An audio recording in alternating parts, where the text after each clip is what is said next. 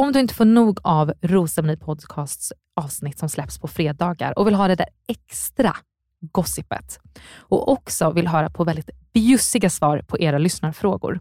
Så in och prenumerera på patreon.com rosermoni eller gå in på länken i avsnittsbeskrivningen.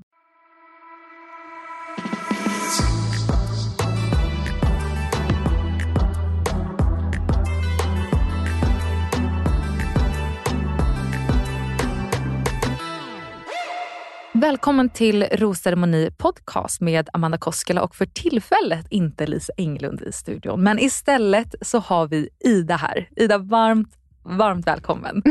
Tack. Jag blir fnissig direkt. Är du nervös? Eh, inte, inte nervös, mer lite så här fnittrig och pirrig. Det känns kul. Är du pirrig för att det är fredag och du är igång? Eller, vad är liksom lite, eller är du pirrig för att du vet inte vad som komma skall Ja, men lite allt möjligt. Jag är pirrig för att det är fredag, för att jag är här, för att det närmar sig finalvecka. Det Eh, det är mycket finalvecka. som händer nu. Hur känns det att vara, ja nu är du topp top tre. Mm. Hur känns det? Ja, det, det känns ju lite galet såklart. Trodde du det? Om man, inte bara från så här, men vad du ville, men trodde du det någonstans? Alltså, jag tror inte att jag trodde någonting egentligen. Alltså, om man tänker från hela början, när jag eh, kom in i programmet. Liksom. Det var nog liksom vid den här tid, tidpunkten i slutet som man verkligen började tänka, men gud, det kan ju faktiskt bli jag som står där i slutet. Eh, så att eh, nu där vi står i programmet så börjar jag väl inse att jag kan bli topp två. Jag vet inte, men det kan bli så och då är jag i final och det är så jäkla sjukt. Du, pratar, du nämner ju ordet som final och jag vill på en gång säga så att det inte är så här, jag säger också det. Mm. Ehm, jag vet att vissa kanske refererar till tävlings... Ja, nej men gud, absolut inte. Men, men det finns typ inget annat ord man kan säga. Det är det, vi måste komma på något typ så här bachelor-uttryck som kopplas till det. Ja. För att jag kan tänka mig att vissa pratar om det som en tävling och det därför finns en rimlig diskussion till det. Men jag kommer på mig själv att jag använder också vinnare. Mm. Fast egentligen, alltså så här, men man kan inte vinna om kärlek. Alltså, det, det är lite märkligt. Nej gud, det, blir konstigt ja. Om någon av lyssnarna kommer på någonting, skicka in det så får vi liksom mynta uttrycket. Ja men verkligen, vi måste liksom ändra om där. Så Inför nästa tydligt. Inför nästa säsong. Ja. Bachelorette är redan klart och där kanske killarna, vi får se om de trycker på om att så här, jag ska bli vinnare. Ja. Eller okej, gud vad stereotypiskt jag försökte göra där. Eller om, ja men vi tar till Bachelor 2022 då. Ja. För de är ju nu sökandes efter en Bachelor. Vad, vad var det som du föll för den här Bachelorn? Du kan ju jättegärna berätta redan hur det kom sig att du sökte. För det var Sebastian du var intresserad av. Mm. ja, och det här har jag ju svarat på innan, men jag kan svara igen. Jag vet, jag, jag, vet, jag vet det här. Jag tänkte bara om det är nya lyssnare så dra ja, den en ja, gång. men den frågan kommer ju fortfarande. Så eh, jag sökte inte, utan jag eh, kontaktade Sebastian på Instagram när jag såg honom på Nyhetsmorgon. Och eh, min förhoppning där var ju att han skulle vilja träffa mig utanför programmet. För att jag ville ju absolut inte vara med på TV. Eh, men det gick ju inte riktigt så lätt som jag hade hoppats. Svarade han någonting? Eh, vilket jag nog egentligen inte ens hade räknat med. Jag hade nog faktiskt inte ens räknat med att han skulle se mitt meddelande. Jag tänkte så här, gud, tänk hur många tjejer det är som hör av sig till honom nu. Tror du att det är många som hör av sig? För jag, när jag hör det här tänker jag så här, wow vad många som kanske tänker det. Ja. Men jag tänker inte att det är många som gör det. Jag tänker att det inte? är en, eh, mer att det kanske är en medelåldersklass som bara så här, vet, peppiga kvinnor som är så här, åh jag såg på Nyhetsmorgon, vad kul att du ska vara bachelor. Och Jag ser så mycket fram emot din säsong. Den typen av kontakt tänker jag att de kan få. Mm. Men inte så här modiga tjejer som bara, du, ska inte vi ses lite? Alltså, ja, ja, jag vet inte. Jag vill ändå tro att, jag tror att det är många tjejer som hör av sig. De kanske inte går så långt som jag gjorde och liksom vill bjuda ut på dejt och hej och hå, men ändå att de visar något form av intresse. Sebastian ska faktiskt vara gäst hos oss här Mm. nästa vecka, så då ska jag fråga Ja, honom det. det. Då får vi fakta på det här. Ja. Inte mina, mina dåliga gissningar. Liksom. Nej, men det har varit kul att höra. Men eh, ja, på den vägen var det i alla fall. Och jag hörde av mig till honom, fick inget svar, men jag såg att han hade läst och jag fick en liten följ. Så att jag det fattade betyder ju ju, någonting. ja, men, ja, men jag fattade ju ändå att så här, okay, han har sett mig. Eh, och sen vet jag inte om det var några dagar eller en vecka det dröjde, men då hörde ju produktionen av sig. Telefonsamtal, mail. Ja, telefonsamtal. Mm. Eh, eller om det var något meddelande först och sen att vi ringde upp varandra. Och eh, ja, vi pratade och eh, sen efter det så sa jag att jag inte var intresserad faktiskt. Okay. Ehm, för att jag hade skola och annat. Och jag tänkte, gud, jag kan inte vara med på TV. Alltså det, det så inte jag. Liksom. Men eh, de lyckades övertala mig till att komma på en casting och eh, jag åkte dit. Och efter det så... Kan du berätta lite om hur castingen gick till? Nu ja, vet jag ju det, men eh, för Alltså- lyssnare? Ja, men det är ju lite som att, vad ska man säga, en blandning mellan en jobbintervju och ett eh, idolframträdande skulle jag säga. Så att man, man ska berätta vem man är och man ska bli bedömd inför en jury. Typ. Mm. Eh, väldigt speciellt, men till min förvåning så tyckte jag att det var väldigt roligt. Eh, jag hade inte kunnat tro att jag skulle vara så pass bekväm framför en sån liksom, konstellation som jag var. Mm. Men det var jag och det var som att när jag gick ut därifrån så, så kände jag, du vet, man får bara en sån här känsla att fan, ska jag inte bara göra något nytt? Ska jag inte bara våga testa? Så att ja, efter lite om och men så sa jag ja. Jag älskar det här. Det som är så fint med eh, er kärlekshistoria, och säger så här, oavsett hur den slutar, om man ser bara från, från att du ser honom på Nyhetsmorgon och finner ändå något, så här, något det är ganska, måste vara ganska starkt intresse för att känna att så här, han ska åka iväg snart, men jag vill ändå ta lite chansen att se. Och, alltså, du har ändå skickat en förfrågan liksom, Mm. till honom om en dejt. Så modigt. Och ehm, ja, men till, att, till att det slutar med att du faktiskt hamnar på Rhodos. Mm. Och att, ja du fick ju ingen dejt i början. Det var Nej. ingen, ingen första, du var inte med mycket alls första Nej, veckan alls. jag var lite statist där i början. Ja, och så är det ju. De, de följer ju upp på vissa stories och det är sånt som kan vara intressant eh, om man verkligen tar med det till nästa år. Att det fanns ju vissa det fanns lite mer fokus på i veckan som försvann ganska fort. Och det är ju för att de kan inte ha så här, ah, de kan inte fokusera på de fyra sista bara och sen är det Såklart. 16 andra som försvinner. Utan det måste ja, försvinna som en story på något sätt, Mm. hur, hur relationen utvecklas. Mm. Utan andra veckan inleds ju med att lite så här, ja antingen så har de glömt bort mig Mm. eller så, det har så, här så tydligt just den här synken, så antingen har de glömt bort mig eller så sparar de det bästa till sist.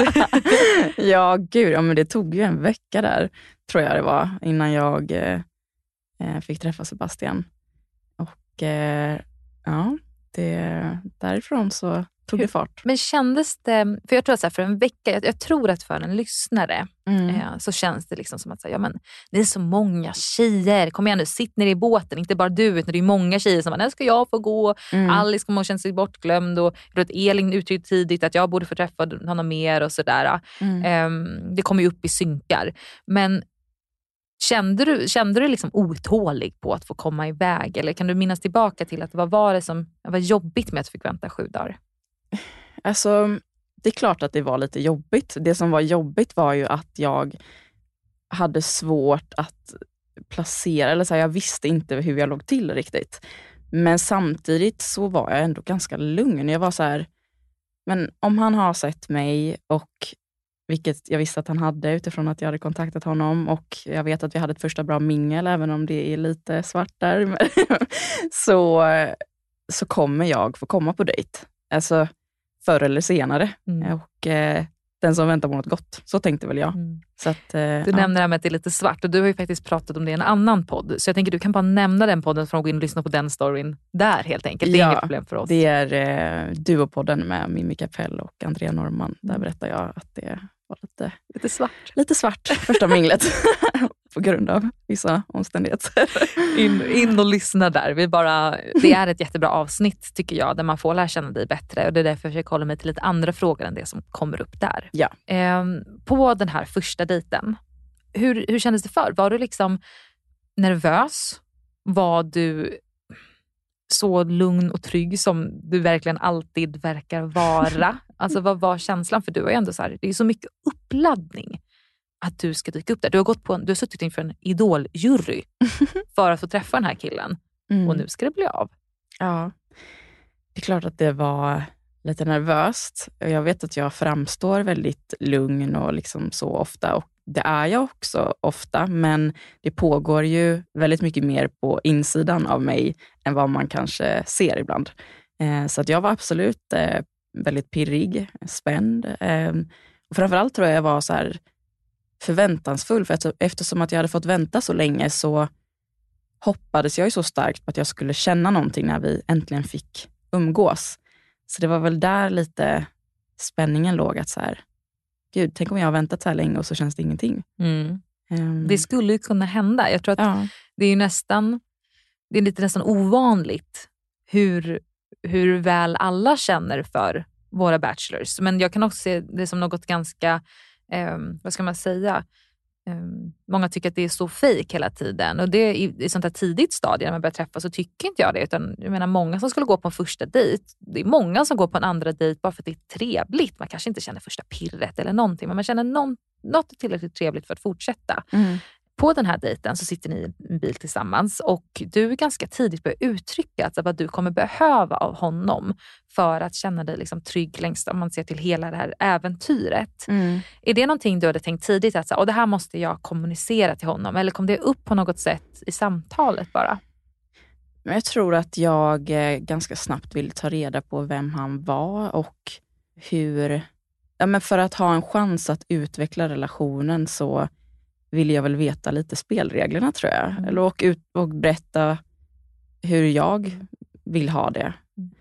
Eftersom att det kretsar väldigt mycket kring killarna och vad de ska ha och vad de söker. Och så ville jag väl också få en chans att berätta att det här är det jag söker. Mm. Och Jag tycker att den, här, den, den inledningen av er relation för oss tittare eh, är ju verkligen så kommunikation. Jag tror vi pratade om det i vårt podcastavsnitt. Alltså, åh, vad fint att hon kommunicerar det här. Och Du pratade också nu i senaste avsnittet om, till, eh, till Sebastians mamma om att kommunikation är väldigt viktigt för dig. Mm. Du är ju duktig på att kommunicera. Mm. Tack. Brukar du, brukar, eller har du den upplevelsen själv? Att så här, ja, men, Ja, men det skulle jag väl ändå säga. Mm. Mm. I dina vänskapsrelationer kanske med... Eh... Ja, ja, men absolut. För det mesta så har jag nog det. Var kommer det ifrån? Ja, svårt att säga. Jag tror att eh, om jag skulle backa tillbaks liksom, från hur jag är uppväxt och så, så hade jag en mamma som var väldigt kommunikativ. Hon berättade alltid vad hon kände och tänkte och tryckte mycket på att det är viktigt att eh, att få berätta sin sida. Liksom.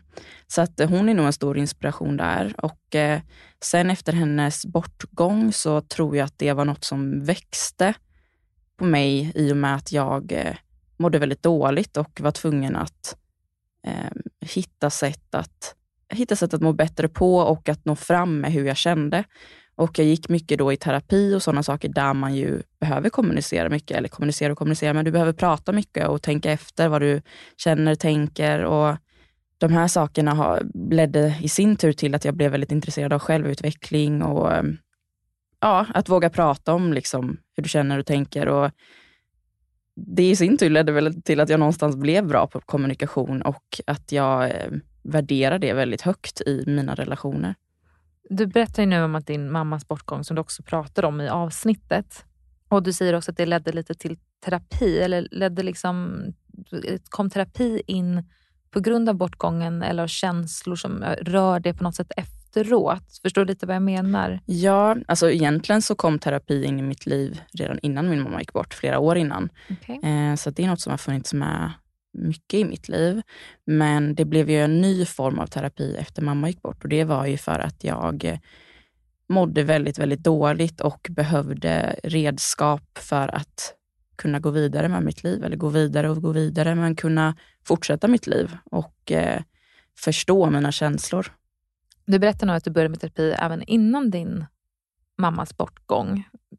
Är du öppen med att berätta vad för typ av terapi och kanske varför Absolut. Ehm, jag gick första gången till en psykolog när jag var 14, tror jag. Ehm, och Det berodde på att jag fick min första depression. Och eh, Vad det kommer ifrån tror jag är att jag blev väldigt osäker i tonåren. Jag fick väldigt dåligt självförtroende och eh, började började få väldigt jobbiga tankar som jag inte riktigt kunde hantera och jag förstod dem inte. och ja, men kom in i något litet mörker där jag liksom var deppig och sådär. Och då minns jag att min mamma sa till mig, eh, Ida, jag tror att du kanske är lite deprimerad. Och det var första gången jag eh, inte hörde ordet, men det var första gången jag fick en relation till ordet. För jag hade nog inte förstått riktigt innebörden av det innan så att vi gick tillsammans till eh, en läkare och pratade om det här och eh, jag fick väl utreda lite så här om jag eh, kunde ha en depression och eh, de berättade för mig att jag hade det. Jag tror de sa att jag hade en medel, medelstark, medeljobbig eller vad de nu kallar mm. det, eh, depression och eh, fick då hjälp med att eh, gå och prata med någon. Ehm, så att det är så många år sedan så att jag minns inte riktigt vem den första var, men jag minns att det var någon vi gick till och där även mamma fick liksom följa med på mötena och sådär ibland. Och eh, lite senare så gick jag även till en KBT-terapeut mm. eh, som fick hjälpa mig lite med ja, så här, tankefällor som jag hade och som jag tror många, eh, framförallt kanske tonårstjejer, lider av. Ja, men mycket att man man inte känner att man duger eller att man intalar sig själv saker som egentligen inte stämmer och sådär. Eh, så det är väl egentligen min första liksom, starka upplevelse av terapi och att jag fick börja förstå hur jag fungerade. Jag kommer ihåg att jag fick hem ett så papper av typ tio vanliga tankefällor som, som, många, eller som jag då hade och hur jag skulle jobba med dem. Mm. Och när jag fick läsa om dem så var jag så här, men gud, jag visste liksom inte att jag trodde att det här bara var jag. Mm. Eh, Kommer du ihåg någon av dem? Om det finns någon? Oh, gud, jag måste typisk. tänka efter så att jag inte säger fel. Mm. Nej, gud, jag, jag vågar inte säga något så att jag säger fel. Nej, förstår. Men jag, kände du att du fick, liksom, runt de här frågorna, fick, du pratade lite om verktyg som jag tycker är en stor del av just att eh, jobba med en terapeut, oavsett om det är KBT eller olika typer av behandlingar, att man mm. får liksom hjälpmedel. Mm. Vad liksom tog du med dig där? Var det, tyckte, så här, tyckte du om att gå och prata med någon? Jag tyckte jättemycket om att gå och prata hos någon. Det var obekvämt i början, ehm, just för att det var en så speciell känsla att som 14-åring komma till en, en främmande vuxen som sa att du har förmodligen ehm, du känner förmodligen si och så här och att någon satte ord på det var ganska läskigt liksom som 14-åring. Men nu kommer jag att tänka faktiskt på en av de här tankefällorna som jag tror hon kallade svart eller vitt. Mm. Och det var att, att, man, hade, att jag, man hade lätt för att eh, komma in i katastroftänk där saker antingen var svart eller vitt. Mm. Typ, eh, jag hade mycket problem med att jag eh, upplevde att ingen tyckte om mig. Och då var det så här, antingen ty tycker den, hatar den personen mig eller så tycker den om mig. Att det inte kunde finnas något mellanting. Okay. Och det handlar väl inte bara om de sakerna, men mycket så svart och vitt-tänk. Att hon fick mig att förstå att det behöver det verkligen vara bara svart och vitt. Eller så, så här, saker som jag inte hade tänkt på innan. Mm. Och som man som så ung tjej kanske inte ens reflekterar över. Gud, alla borde få gå i terapi. Jag önskar ja. ingen att må så kanske pass dåligt som du gjorde. För att alla går igenom ett tonår och sen så, tror, sen så är det ju liksom, det är mycket känslor alla kanske inte behöver en psykolog, men jag tycker det låter som att det finns säkert flera som behöver det, eller stöttning och hjälp och liknande. Mm. Men det här med svart och vitt, är det någonting som du känner, ser du mer nyanserat idag? Ja, absolut. Alltså nu är det, vad är vi, nästan 10-11 år senare mm. av många, många års terapi och träffat många olika typer av terapeuter. Så att Idag har jag ju en helt annan, eh, ett helt annat sätt att se på saker och se på livet. Men jag är enormt tacksam faktiskt för att min mamma liksom snappade upp mig så tidigt och förstod att jag eh, kanske hade behov av att prata med någon. För jag hade väldigt svårt att prata med henne just då. Mm.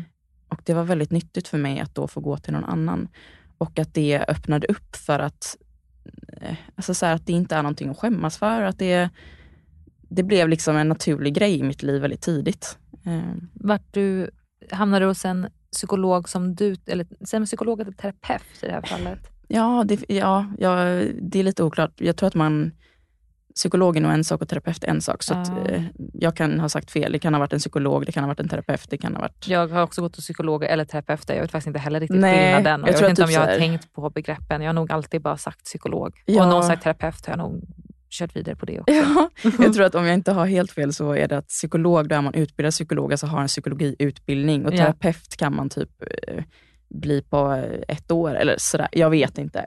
Kan vara. Oklart. Men ja, ni fattar vad jag menar. alla, alla hänger med. ja. Vi behöver inte stanna fast vid just den termen. Nej. nej men, hamnade du hos en psykolog som du var trygg med, som du mådde bra vid? För att jag vet att flera som går till psykologer eh, kan ibland tycka att den förstår inte mig eller den, den, ställer inte rätt frågor och liknande. Mm. Och eh, runt bekanta runt mig då, som pratar det så brukar jag ju väldigt så här, prata gott om terapi och säga att ja, men, det är inte alltid lätt att hitta rätt matchning först. Nej. Jag tror man ibland kan också behöva några få för att veta så här, lite skillnaden på typ av frågor och hitta rätt. Eller så ge en person en längre chans till exempel. Mm. Hur landade det för dig där? För när man är 14 så kanske man inte vet Nej. det.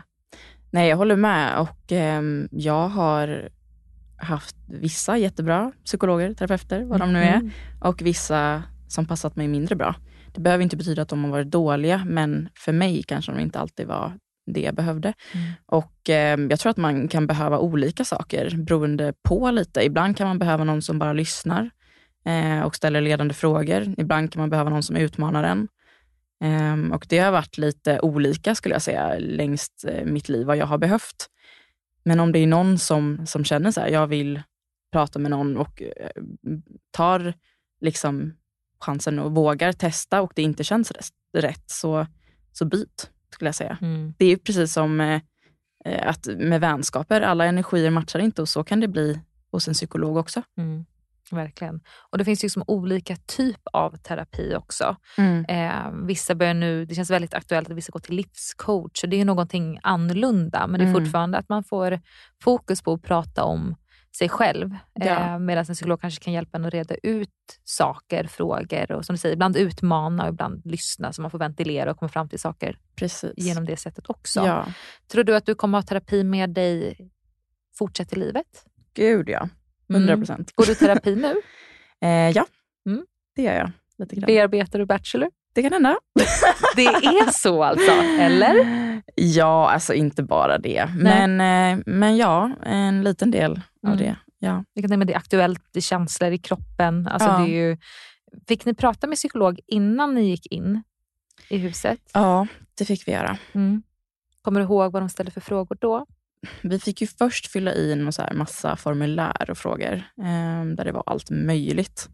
Eh, både så bakgrund och hur man, eh, alltså frågor om nutid och hej och Hur man hanterar olika situationer och så va? Ja, ja. precis. Det var, allt, det var, det var en salig blandning. Jag tror vi fick den där liksom, arket eller så på en, på en onsdag och bara, mm. vi behöver det på fredag. Ja. Jag bara, ja. ja. Alltså, det, ja, var det ju, tog tid alltså, att fylla i mycket tid. Ja. Alltså. Men jag tror också att den, just om det är samma typ av papper man fick så var det också för att de ville typ gräva i vem som är rädd för hästar och skicka den på en ja. dejt.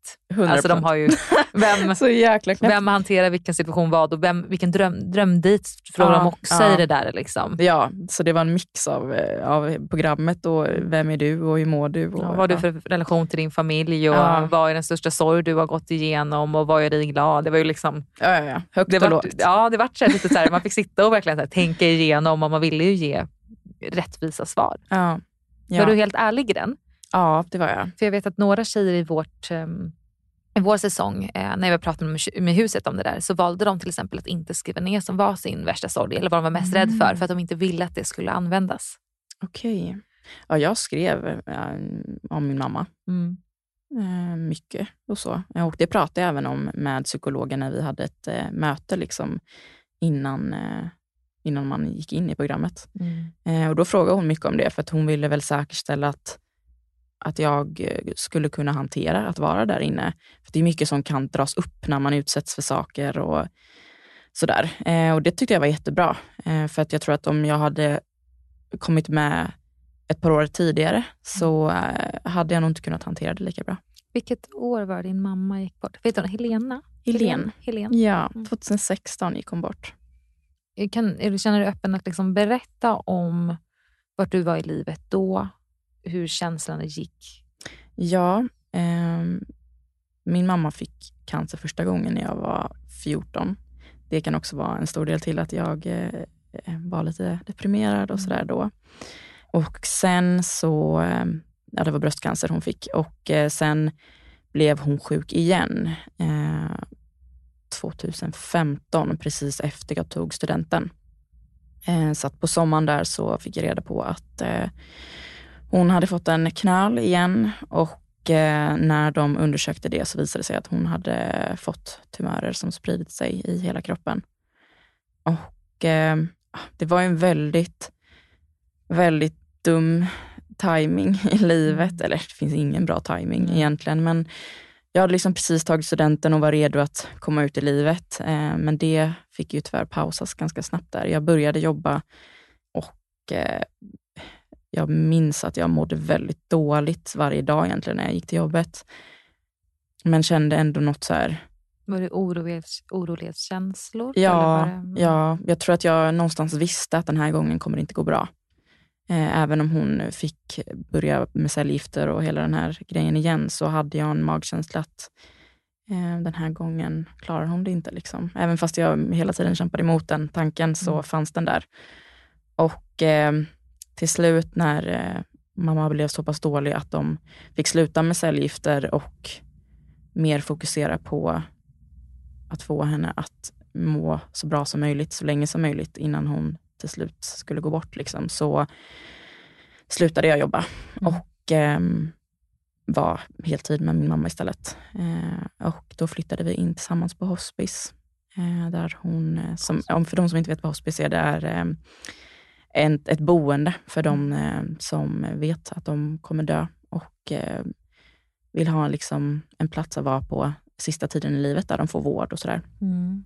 Eh, som är lite bättre, eller bättre och bättre, men en variant till, man kanske inte vill ligga på sjukhus eh, sista tiden, så att där får man liksom mer ett hem. Då. Är lite mer som ett hotellrumsliknande då? Eller hur? Ja, eller ett boende där liksom sjuksköterskor och läkare finns på plats, men du får också eh, göra vardagssysslor och, och leva ditt liv, fast mm. inte hemma. Då. Um, så där bodde vi. i, eh, De trodde att hon skulle bo där i två veckor. Uh, det blev två och en halv månad. Okej. Okay. Och när hon sen gick bort så var jag 19 år. Mm. Ja. Vart hade du din stöttning där? Ja, alltså mycket av min sorg har väl just legat i det att jag upplevde inte att jag fick den stöttning jag behövde. Eh, för att min mamma var ju min stora stöttepelare mm. i livet och eh, som 19-åring, jag hade ju absolut nära vänner, men de var ju också unga och förstod kanske inte riktigt, men man var så ung så att de visste väl inte hur de skulle hjälpa mig eller liksom hantera min sorg. Så jag hade ju behövt någon vuxen där som, som eh, tog tag i det. Och jag hade min mormor och min pappa och min mammas syster som hjälpte mig så gott de kunde, speciellt till en början. Men ganska snabbt så var det som att folk fortsatte leva sina liv och eh, ja, men som vanligt och förväntade sig att jag skulle fortsätta leva mitt liv som vanligt. Men mitt liv var ju förstört. Eh, var det din känsla? Att det fanns lite i början, men sen när folk började gå tillbaka till sitt normala, vilket är ofta så som sker i vilken tragedi som helst, mm. så kände du att jag kan inte ta ett steg mot det normala igen. Mitt, ja. Vad är mitt normala? Ja, alltså det förväntades ju av mig att jag skulle börja jobba och att jag, jag tog över mammas lägenhet som hon och jag bodde i och jag skulle helt plötsligt liksom bli vuxen och betala räkningar. Jag skulle laga mat och sköta allting själv. Jag, 19 år gammal. Ja, ehm, och jag tror också att eftersom att jag inte liksom hade några, eller har några syskon så som jag bott med, att det var ingen som såg riktigt hur jag mådde egentligen. Och det är väl också för att jag var väldigt bra på att dölja kanske hur jag egentligen mådde. Mm. Eh, vilket eh, är en stor del till att jag är så öppen om att prata idag, för att jag tycker att det är så otroligt viktigt. Och jag blev till slut nästan tvungen att våga prata för att jag höll på att på riktigt gå sönder. Liksom. Mm. Jag tror att när det kommer till olika typer av sorg och trauman och liknande, så för folk runt vänner, bekanta eller till och med vara en partner så är det nog många som får tanken att hur ska jag bäst göra? Ska jag prata om det eller vill hon inte bli påmind mm. och så liknande. Och Någonting jag landat i är att tro att det finns inte ett rätt sätt. Och kanske inte finns ett rätt sätt under allt för lång tid, utan det finns olika perioder. Så här. Men om, om du talar till din upplevelse, så vad, vad hade du behövt? Min upplevelse är att det alltid är bättre att fråga än att inte säga någonting. Okay. Jag har full förståelse för att vissa inte eh, vill prata och jag kunde ha stunder då jag inte orkade prata heller. Speciellt kanske i st större sociala sammanhang för att jag visste att ställer någon eh, för mycket frågor nu, då kommer jag liksom bryta ihop på Mm. plats och det kanske man inte alltid vill. Mm. Men jag kunde ändå alltid uppskatta att få frågan, vill du prata om det? Och få själv välja då att, nej, inte just nu, eh, men jag pratar gärna en annan dag. Eller, ja, jag vill faktiskt det. Mm. Jag behöver faktiskt det. Mm. Så att det är väl mitt liksom, tips och råd till, till, eh, till andra och också till mig själv. Så här, när man bemöter någon i sorg, att våga ställa frågan. Du behöver inte fråga rakt på, så här, hur mår du? Eller liksom sådär, utan f- säg bara att du vet och att du finns där. Eller att säga att, vill du prata, eller fråga, vill du prata om det? Mm. Eh, för personen kan ju alltid svara ja eller nej. Mm. Gud, jag har tagit verkligen till mig av det här. Ja. Ehm, för jag har varit i sådana situationer när jag inte vetat hur jag ska Nej. göra. Man, Nej, är, det man är, är så rädd svårt. för att göra fel. Ja, Man vill inte göra en situation som är jobbig värre. Man vill Nej. egentligen bara vara där och kunna ja, göra det bättre i alla fall, inte göra det sämre. ja, och det förstår jag verkligen. Mm. Gud, jag är typ lite tagen. Ja. Jag tycker du pratar om det väldigt fint. Eh, vi kan gå till, till det lite. Så här. em, när ni pratade om det, du och Sebastian, om din mammas bortgång, Mm. em, så sitter han där och är liksom, ja, men han håller om dig och, och så. Em, pratade ni om det mer sedan off cam eller kanske senare i er relation? Mm. Det var nog något som nämndes från och till, men just eftersom att vi redan på vår första dejt fick prata om det, Mm. så var det ja, men nog en ganska stor lättnad för mig. att så här, Jag visste att han visste Mm. eh, och jag tyckte att han tog det väldigt bra. Och Då fanns det som en trygghet med mig resten av resan att det räcker för mig att han vet, för att blir det vi så, så, har, så har vi börjat den här relationen med att bara dra av det plåstret. Mm. Ehm, och det, det är något som är väldigt viktigt för mig när jag träffar någon, att, att de liksom vet det. Mm. För att det är en så himla stor del av mig. Mm. Ja, jag kan också tänka mig att även om det inte handlar om att, så här, att det finns specifika saker en person kan säga, utan som du säger mer att man ska känna tröst, men att det kan, har du någon gång dejtat någon och känt att så här, oj, när jag pratar om något så här så har jag fått helt fel bemötande eller den, eller den verkar inte ha sett att det här faktiskt är en del av mig. Någonting. Har det, skulle, det kunna på, skulle det kunna ha hänt, ja, hur känner det? Skulle han kunna ha reagerat eller helt enkelt inte reagerat tillräckligt på en sån här historia, att det hade kunnat varit någon typ av dealbreaker för dig? Ja, faktiskt. Jag har varit med om det mycket tidigare och liksom till och med behövt avsluta relationer, inte endast på grund av det, men att en stor anledning har varit att jag känt att personen har haft ett väldigt stort motstånd till att prata om, om det eller om känslor överlag. För att jag vet att jag kommer inte kunna leva med en person som inte kan prata om varken mina eller sina egna känslor. Mm. Det blir väldigt svårt att lära känna mig då och eh, för mig att eh, vara trygg i en relation.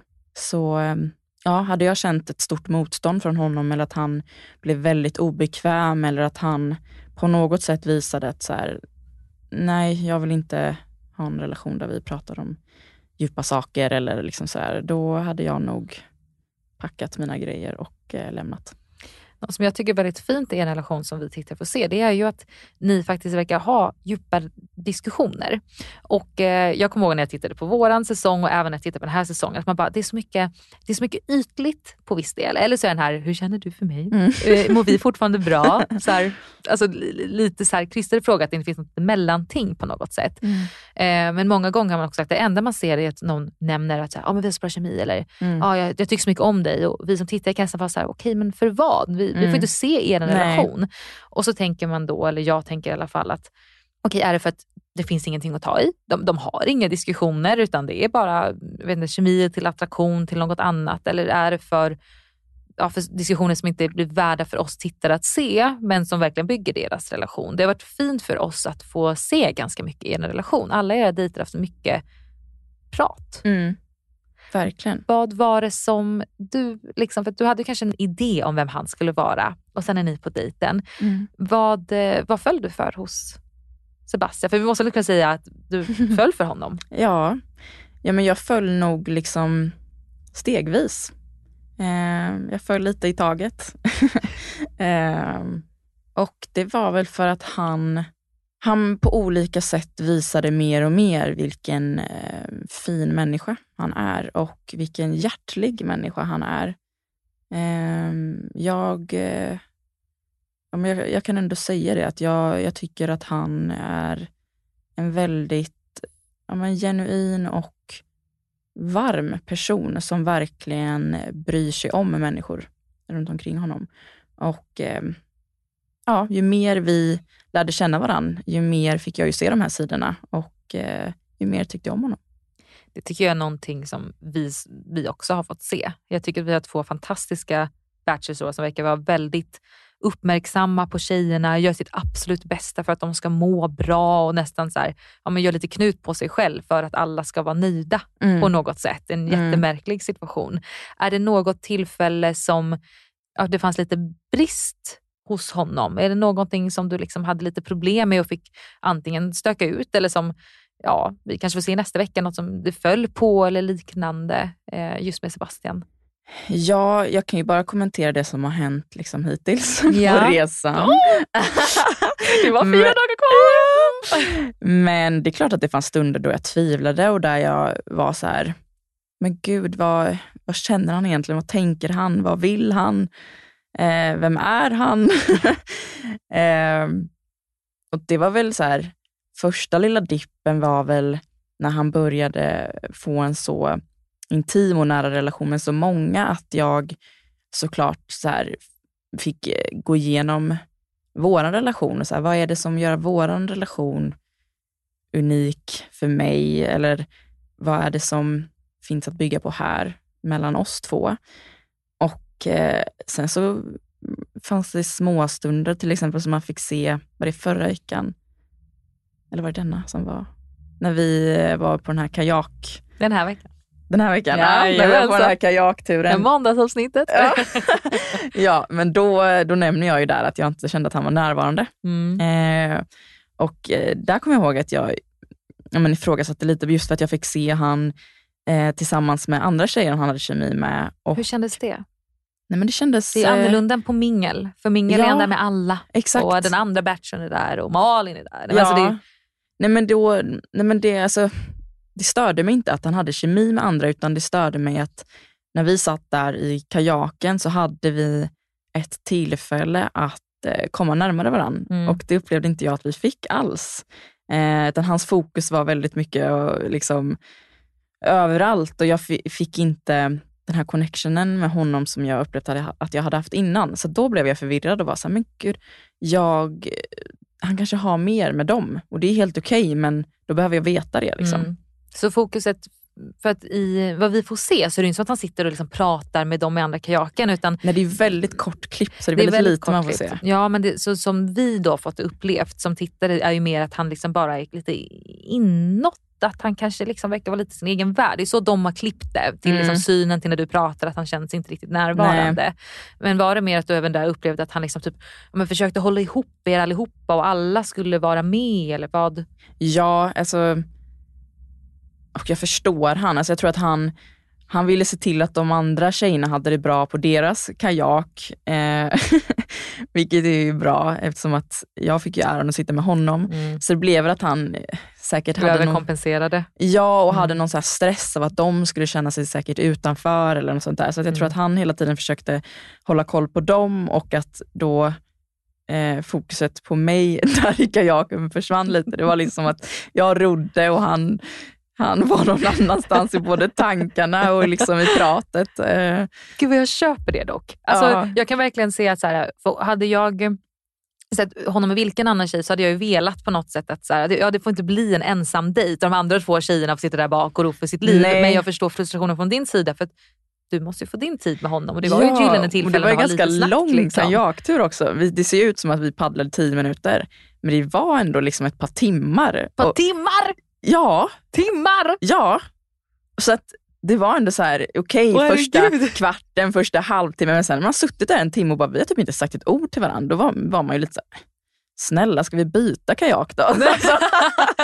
Fördelaktigt om jag bara hoppar i här och sen sätter mig på de andra tjejernas Ja. kajak. Liksom. Ja, men det var lite så jag kände. Så att, men, men det tog jag med honom där efteråt. Ja. Eh, Det här jag gillar med dig Ida, alltså, jag och, alltså, vi, vi är så fans och så kommunikation är liksom det bästa jag vet och du dyker upp där och är så duktig på det och så tydlig i ett sånt här, i ett sånt här sammanhang. Jag tycker det är fantastiskt eh, och jag tror det är därför som många har fallit för dig. För man skulle väl kunna säga att du är en eh, tittarfavorit sen, sen er första dejt. ja, vilket är så sjukt. Men ja, kanske. När det förra veckan lades upp eh, på Bachelor SCs Instagram en liten poll med, nu är det fyra kvar. Eh, rött hjärta om du tror på henne eller vill henne och blått och grönt och sådär. Det var ju eh, enhälligt orangea hjärtan för Ida. Blå. Det var ju enhälligt blå hjärtan för Ida. Ja. Vroom! Alltså det var väl bara blå hjärtan? Nej, det är klart det inte var. Men det jag var tror att det var bara mycket. blå hjärtan. Nej, det var inte bara blå. Men det var mycket blå. Jag bara, jag ska öppna och titta nu. Ja, men det var Alltså- mycket blå. Men, alltså, vet du, min känsla då var typ, jag skäms. Alltså, jag blir så glad, men det, det känns också så jäkla taskigt att, att sitta så här och att man ska typ röst. Eller alltså, nej. Jag scrollar nu här. Det är Ja. bara blått. Ibland är det någon slags blått och en annan färg. Och ibland har folk skrivit också, Ida eller Chilera. Alltså det, det är blått. Det är mycket blått, men det är inte bara blått. Det är, det är bara blått.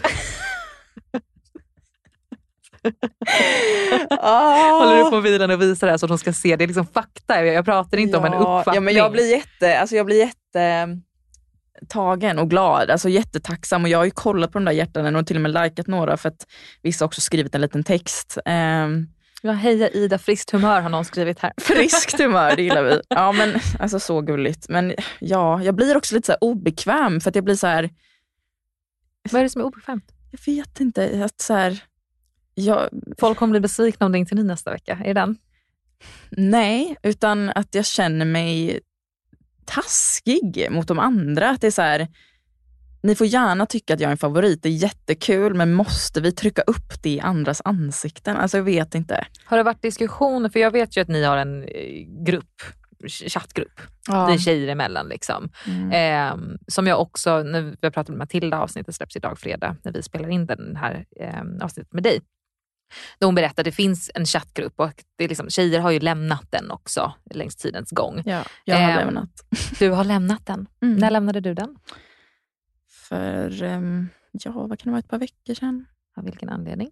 För att jag eh, inte mådde bra av att eh, vara med där. Alltså det, var, det var jättekul också för att jag tycker ju om liksom många av tjejerna där och vi kunde liksom diskutera och skratta liksom och sådär. Men, men många saker kändes inte härliga eh, och jag började väl känna att jag inte fick bra energi av det. Eh, och då Kan du berätta lite, du behöver absolut inte nämna namn eller något som specifikt som delar för mycket, men vad, vad var det för typ av ton där inne? Eller vad var det för diskussioner?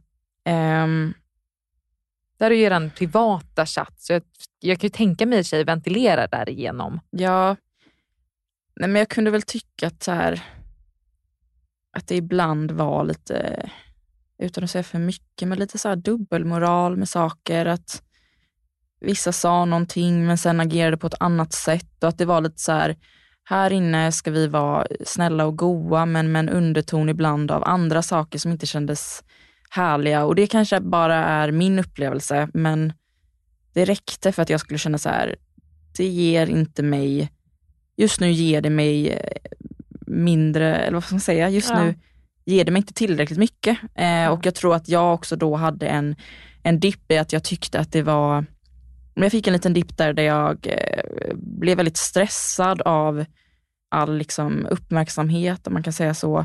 Jag hade precis ganska nyligen varit ute och eh, blivit drogad under en kväll på klubben. Ursäkta? Ja, jag delade det här i mina sociala medier så många vet det.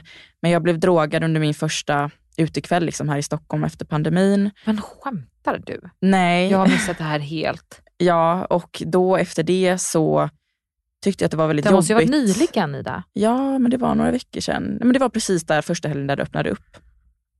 Eh, jag blev skakig. Ja, nej, men så jag, jag blev drogad och till en början så tänkte, kände inte jag att jag blev så påverkad av det. Men sen helgen efter så gick jag ut igen och tyckte att det var väldigt, jag fick väldigt mycket ångest eh, av att gå ut och det är ihop med att folk typ skrek eh, mitt namn. Och då menar jag inte liksom gulliga människor som kom fram och sa så hej, där får vi liksom prata med mig, utan typ mm, alltså män som typ stack ut huvudet i en taxi och skrek Bachelor Ida typ. Eh, på ett så här, alltså ett sånt sätt. jag förstår exakt ja, vilket sätt Men på ett sätt som inte kändes härligt och det ihop med med liksom min känsla kring att vara ute och kring uppmärksamheten och kring att det inte kändes som ett härligt klimat eh, i chatten gjorde bara att jag kände så här, nej, nu måste jag göra saker som eh, du mår bra av. Som jag mår bra av och så, mm. så att jag får tillbaka min energi. Mm. Eh, och då gjorde jag det. Bra. Punkt. Bra. Nej, men det där tycker jag verkligen är så här, man måste göra vad som är bäst för en själv. För att många pratar om att så här, okay, man avföljer kanske vissa tjejer och så. Jag kan se till viss del att jag förstår, jag kan uppleva lite dramatiskt en sån mm. agerande. Men i slutändan, när jag liksom kommer själv till min egen resonlig nivå, är ju att så här, det är för en själv, för att man ska må bra. Ja, och så här, för min egen del, att jag går ur chatten eller att jag har avföljt vissa, det är inte för att jag hatar dem Nej. eller det är inte för att jag är deras ovän. Eh, det är inte så dramatiskt som vissa kanske kan tro. Och det vill jag ändå vara tydlig med att så här, jag vill ingen någonting illa. Jag vill bara mig själv väl. Mm. Och det är allt. Take notes people. Hur har det varit att se dig själv i TV? För att du var ju inte så himla säker på att åka ner. Eh, du sa det själv att du hade liksom inget intresse av att vara med på TV. Och jag tror att jag och, eh, jag och Lisa sa det i vårt första avsnitt. Du känns inte en sån som vanligtvis är i TV, vilket är nog det som gör dig bäst. Förstår du vad jag menar där? Det är samma sak med Emma, som en av mm. dina kompisar. Att när det kommer personer som jag, lite, du vet, jag ser nästan av konversationerna, så, äh, fan, jag gör väl det då. Vilken kul mm. upplevelse. Mm. Är någon som söker sig för att vara med i TV. Mm. Säger inte att det är fel sätt att göra. Vi behöver ha in folk och man kan tycka att det är skitkul att liksom 80% TV och sen vi får se om jag blir kär. Mm. Jag tycker det är en lika bra anledning att söka. Mm. Inget mer illa menat på det sättet. Mm. Men att det mer känns som att du är såhär, ah, vill inte men jag får väl stå ut med det då för att jag inte ska missa chansen att träffa mm. Sebastian. Mm. Ja, alltså det var ju lite kul för både jag och Emma var ju så här i början att vi, vi höll oss lite i bakgrunden. Vi var inte så jättebekväma med kamerorna och eh, vi fick inte liksom date direkt. Så att vi, vi skrattade ju väldigt mycket åt att så här, att vi var statister i programmet eller typ städerskorna som syns i bakgrunden. eh, men vi, alltså, vi hade inget emot det. Så. Nej. Vi fick äta Nutella-mackor och ja, ligga och chilla alltså, var så här, och träffa nya människor. Och... Ja, men lite så. Och eh, medan det fanns andra som direkt var väldigt bra, alltså framför kamerorna, skitgrymma i synk, sa roliga grejer. Så vi var så här, vi fattade 100% att de får mer tid än oss, för det, de gör det här så bra. Mm. Eh, så att, eh, men det är man kul att... Ju, man behöver ju båda två. Eller man, ja. behöver ju, man behöver absolut dem ja. som ger väldigt mycket. Och Sen behöver man bara sådana som är där och kör sin grej, även om det kanske är mer ja. Lågmält. Nu gör jag citattecken. Kaninöron. Någonting. Alltså, förstår vad jag menar? Ja. Alltså, det hade inte blivit bra för dig om du pushade dig till att vara en person du inte är. Och Nej. Är obekvämt. Det är Nej. ju superovärt. Liksom. Nej, precis. Eh, men så att det är ändå så här kul att se nu i efterhand hur jag kan i alla fall se på mig själv att jag blir mer och mer bekväm och att jag trädde fram mer och mer, eller att min person trädde fram mer och mer. Så att ja, men det, det är intressant. I början så var det absolut lite obekvämt att se sig själv. Eh, men det släppte ändå ganska fort. att Jag, jag valde nog bara att tänka så här, ja, alltså jag har gjort det jag har gjort. Jag eh, har liksom ingenting jag direkt skäms för eller inte kan stå för. Och är det någon groda som kommer ur eller något, då tar jag det då. Alltså, du har inte varit med i några av årets draman alls. Nej. Alltså, om vi tar först kanske till att diskutera med vuxenmobbningsdiskussionen som kom upp. Mm i samband med att eh, fyra nya tjejer kommer in och veckan innan var det två nya tjejer som kommer in. När man ser de här tjejerna sitter och pratar, man ser lite olika synkar, man ser ändå lite olika diskussioner. Ditt ansikte är ju inte där. Var, vart, vart var du där? Förstår du vad jag menar? Alltså, vad gick dina tankar där nere och, och så? Ja, alltså just då eh, så hade ju precis Emma åkt. Ja. Eh, så att jag var jättenere. Eh, för först, alltså inte för första gången, men eh, jag var ju nere också när Nathalie åkte och så man kunde ha små dippar. Men jag var på riktigt verkligen nere eh, för första gången och eh, låg första dagarna mest på mitt rum och var väldigt så här, ja, men deppig. Jag hade liksom tappat eh, min person och jag visste inte riktigt vem eller vilka jag skulle vända mig till nu och det var så här mycket som snurrade. Så jag var nog ganska off liksom den veckan. Eh, och eh, två av de här nya tjejerna eh, flyttade in i mitt grannrum så att vi, vi delade toalett och eh, jag tyckte de var jättemysiga och pratade liksom med dem eh, när vi stod där men hade kanske inte den bästa energin just då. Och det vet jag även att jag sa till dem eh, efteråt, eller jag frågade dem eh, om de hade upplevt att jag på något sätt fått dem att känna sig utanför eller sådär. Eh, och förklara. Är det alltså efter att Simon hade kommit in och det här mer blev en diskussion, alltså, nu måste ja. vi prata om hur ni mår. Var det då du kände att jag vill se? Ja, eh, för att jag, eh, jag kände ändå att jag hade pratat med dem eh, minst lika mycket som andra. Liksom. Men att jag överlag hade varit låg, så jag ville bara höra med dem så att de inte uppfattat att det var någonting personligt mot dem. Och det hade de, av vad de sa i alla fall, inte gjort. Så att jag hade liksom ingen... Jag kände mig inte inblandad i den eh, diskussionen mer än att jag tyckte att det var väldigt tråkigt att de kände så. Men jag, jag, eftersom att jag låg så mycket inne så missade jag nog stora delar av det.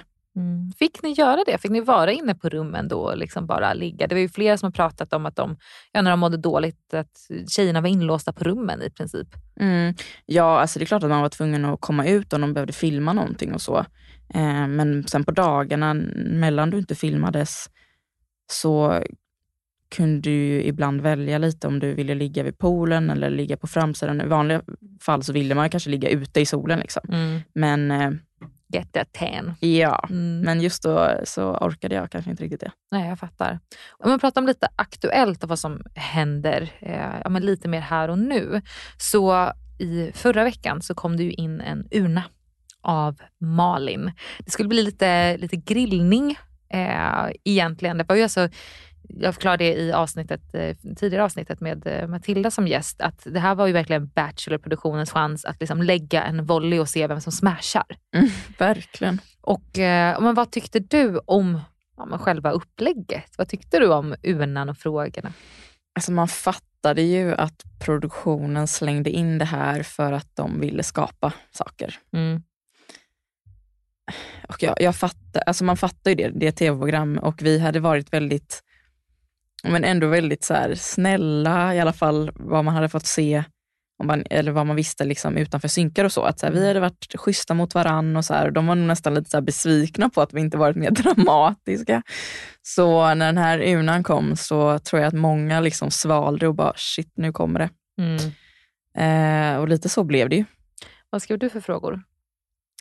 Jag tror inte någon kom med.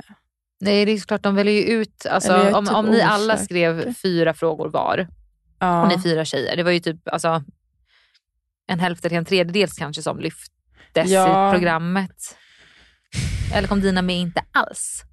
Gud, jag är typ lite osäker. Jag vågar typ inte svara för nu kommer jag inte riktigt ihåg vilka frågor det var som ställdes. Mm, av dig helt enkelt, eller i programmet? Ja, både och. Ja, i programmet var det ganska mycket mot Elin. Om man sa, vad har ni gemensamt? Då har du eh, flörtat med någon i produktionen. Och Sen var det också lite till Armina om varför hon, hon verkar vara där för att tävla. Sen mm. som, den som kanske var lite mer intressant, att du pratade ändå lite, var väl om, eh, ja, men, om, om du fick för Sebastians bästa, vilka två skulle han inte välja? Och istället för att säga vilka han inte skulle välja så sa du att jag vill inte ta bort mig själv och jag skulle vilja att han stod där med mm. Chilera. Så istället för att säga mm. något du inte vill är när du varit två personer du uteslöt mm. eh, till exempel. Och sen så var ju den här frågan om eh, ja, veckans kanske mest aktuella händelse på något sätt då. Det är om att eh, frågan Elvira skrev som handlade om, Precis. det är någon som har haft kontakt med Simons mm. kompisar mm. och eh, hur långt det skulle ha gått. Ja, jag vet att jag ställde någon till Chilera för att jag kommer ihåg att hon, för hon och jag satt bredvid varandra när vi skulle skriva våra frågor och var så här, mm. vad fan ska vi skriva? Och så vet jag inte vem av oss som kom på det, men vi sa så här, men man kan ju ställa en fråga som är till ens egen fördel eftersom att vi är vänner. eh, Chilera, varför är du så underbar?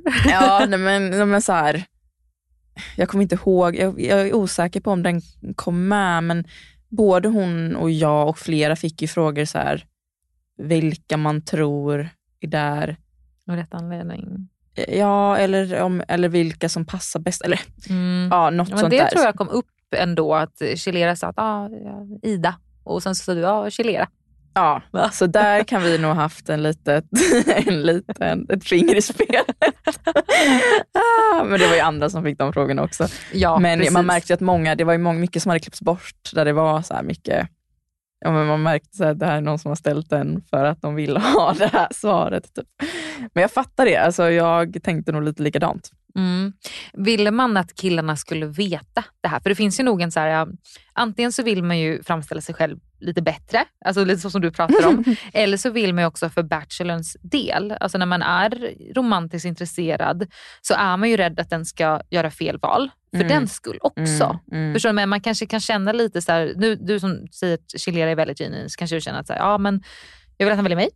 Ja. Eh, men väljer han inte mig så vill jag i alla fall att han väljer någon som jag också tror är en bra matchning till ja. exempel. Så man kan ju vilja på något sätt framhäva andra personer eller bara ge light på något som är sitt eget intryck. Mm. Ja, precis. Det var väl lite så man, man kände och det är så jag säger där att jag upplever, alltså så här, om jag inte själv skulle ta hem det, eller vad man ska säga, mm. då skulle jag önska för Sebastians skull att det blir med Chilera, för att jag eh, var väldigt nära henne och nu har de ju klippt henne väldigt hårt och fått henne att framstå väldigt, ja men, eh, dum på många sätt. Eh, och absolut att hon har sagt vissa dumma saker, men jag upplever ändå henne som en väldigt hjärtlig person och jag visste att hon ville Sebastian väldigt väl. Mm. Alltså jag tycker jättemycket om Chilera och alla, alltså det är klart alla kan säga dumma saker och många har sagt dumma saker. Men för mig handlar det mycket om att se människan bakom. Alltså, och det, kanske, det framstår inte alltid i tv. Såklart. Det kan de inte få med. Det kan de För inte. det finns ju nästan Nej. inga elaka människor. Men det är folk som kommer alltså, folk kommer ju fram dåligt och kanske har dåliga episoder av livet och sånt också. Och skulle alla få sin chans att berätta hela sin bakgrund till vem de är mm. eh, så skulle vi behöva ett helt annat tv-upplägg. Ja, och då hade man säkert förstått allihop. Absolut, Men, eh, absolut. Det är därför det är så sjukt med hatet som mm. kommer till folk. Att folk tycker sig ha mage att säga åt folk vilka som ska få ha rätten typ att leva och andas och bete sig. Alltså det är, ah, Nej, det är hemskt. frustrerad Nej, jag blir när jag jätte... börjar. Jag kommer inte ens... Nej fy. Nej, jag blir jätteledsen av hur mycket skit vissa har fått. Nej, det är helt sjukt. Mm. Vi pratade lite tidigare om det här med att ni har haft en gruppchatt och en stor del av um, Bachelor-tiden, eh, oavsett hur det går nästa vecka, så hoppas jag att du kommer se tillbaka på alltså upplevelsen också för träffa nya människor. Eh, trivdes du med att bo med x antal tjejer som du inte kände från tidigare? Eller var det en påfrestning kanske, eller hur? Både och skulle jag vilja säga, men i det stora hela så är jag väldigt glad och tacksam för att jag fått träffa alla som var med. Mm. Eh, och det är många som jag eh, fortfarande står väldigt nära idag och det tycker jag är jättekul såklart. Och det det är också härligt att man har den här erfarenheten tillsammans, att alltid, eh, eller liksom att kunna se tillbaks till och prata om. För att även om man kan prata om det här med sina andra vänner så kommer de ju aldrig riktigt förstå känslan av hur det var att vara där. Verkligen. Och det också tror jag att vänner som är så nära, mm, ibland kan man behöva så ventilera eh, små saker som de inte kommer att förstå men mm. någon annan förstår helt och man ja. kan bara prata av sig om. Jag tror det är en del av att, så här, inte bearbeta Bachelor, men så här, ja, lagra det mm. någonstans. Jo, men, lite, men det är ändå, man måste ändå typ bearbeta att man har varit med om det för det är en sån knäpp grej. Ja, men efter den här veckan så kommer ju liksom Bachelor vara slut. Det som inleddes sen du såg Nyhetsmorgon. Det är liksom klart. Okej, eller så kanske du har en relation och är jätte, jättelycklig eller vad vet vi. Men själva grejen är så här, Bachelor är ju egentligen Mm. slut. Mm. Hur kommer du känna? Men en del av mig kommer nog känna en liten sorg ändå på något sätt. Så här, nu är det faktiskt över. För att det här har ju ändå pågått på ett eller annat sätt ja, men från egentligen mars. Alltså tills typ nu. Det är en lång period. Ehm, så att eh, lite tråkigt men också väldigt skönt. Mm. Alltså, för det är så mycket så här och man har behövt hålla hemligheter och varit på spänn så länge och sådär. Så att det, det ska bli skönt att typ lite få gå vidare Mm. på riktigt. Mm. Ja, för jag minns det som att jag har känt ett väldigt stort tomrum, helt ärligt. Alltså det var en sån fantastisk upplevelse och det sett till så här, ja, men att vara med om TV. Ehm, jag var inte heller jättesugen på att gå in och hade inget intresse från tidigare, men hade en fantastisk upplevelse och tyckte produktionen var helt fantastisk och tyckte jättemycket om tjejerna och liksom, det var spännande när det gick på TV. Så att när det liksom tog slut så var det verkligen ett så här tomrum. Att säga, jaha, då ska man gå tillbaka till en vardag. Alltså förstår du vad jag menar? Där man inte sitter på söndagskvällen och längtar Mm. tills avsnitten ska släppas inför måndagen och så vidare. Ja, Men du må bli igenkänd framöver. Vi hoppas bara att det inte är några obehagliga män som sticker ut sina huvuden huvuden ur taxen Nej. och Bachelor-Ida. Utan liksom, Bachelor-Ida kanske kommer vara lite myntat ett tag. Ja men så. det är okej, men man får ju hellre, mycket hellre bra komma fram och prata än att skrika på gatan för att jag blir bara obekväm. Hur skulle du reagera? Eller är det mycket folk som kommer fram och säger någonting på gatan när du går, går där med hunden? Och... Alltså, jag har inte varit ute på stan så himla mycket faktiskt. Men när jag har varit det så har det varit folk som kommit fram. Men oftast då med lite alkohol i blodet. Vilket jag köper. Ja. Men då har jag bara tyckt det varit kul och jag har också haft lite grannar och så som har känt igen mig. Ehm, och då har man ju fått chans att prata liksom som, ja, men, prata som vanligt. Och det har Mm. bara varit jättemysigt. Vad roligt. Jag tror, att Mm. du, eh, jag tror absolut att du kommer minnas en god tid framöver. Eh, för du har gjort ett väldigt starkt intryck eh, här i din romans med eh, Sebastian. Jag tror att du kommer minnas som ja, men den här tjejen som kom in och var liksom stabil från start. Alltså väldigt tydlig med vem du är, vad du söker, vad du kan ge, vad du behöver. Alltså det har varit så, ja, men det är kommunikationen som också har funkat så fantastiskt med Mm. din kemi med Sebastian. Eh, jag vill bara att alla ska minnas att det är jag, Amanda Koskela, som myntade Idastian, om ni använder det någonstans. Eh, Får ta patent på det ordet. jag tar patent på Idastian och eh, jag önskar dig verkligen så all lycka till. Eh, inte bara liksom om, om det finns en romans, men mer så här hur veckan att komma och eh, jag önskar verkligen dig allt väl. Mm, tack. Jag önskar dig, er detsamma. Jag ska vara lite så här, tomt där från mig, som att jag väntade på att du skulle bara, och vad ska hon önska mig? ja. Ska se vart det nu spelar in och vilket... Jag vill också tacka vår fantastiska klippare Marcus som driver podden Vad ska vi se på med frugan. Stort tack. Tack till dig Ida. Nu, eh, nu håller vi kontakten här i veckan. Jag kanske skickar så små reaktionsgrejer, får vi se om du ens svarar på vad jag ser och vad jag hör. Det är klart jag kommer. Jag är så spänd på att höra vad ni har att säga om den här veckan. Mm.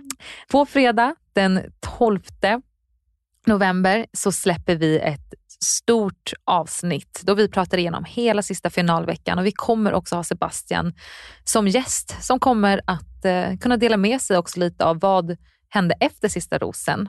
Eh, vi ser så mycket fram emot att ha honom här i studion och eh, om ni har några frågor till honom som ni kommer på längs veckans gång så skicka in dem i DM till oss så att de blir ställda under det här tillfället. Och med det så önskar jag en jättefin start på den här Bachelorveckan. Yay!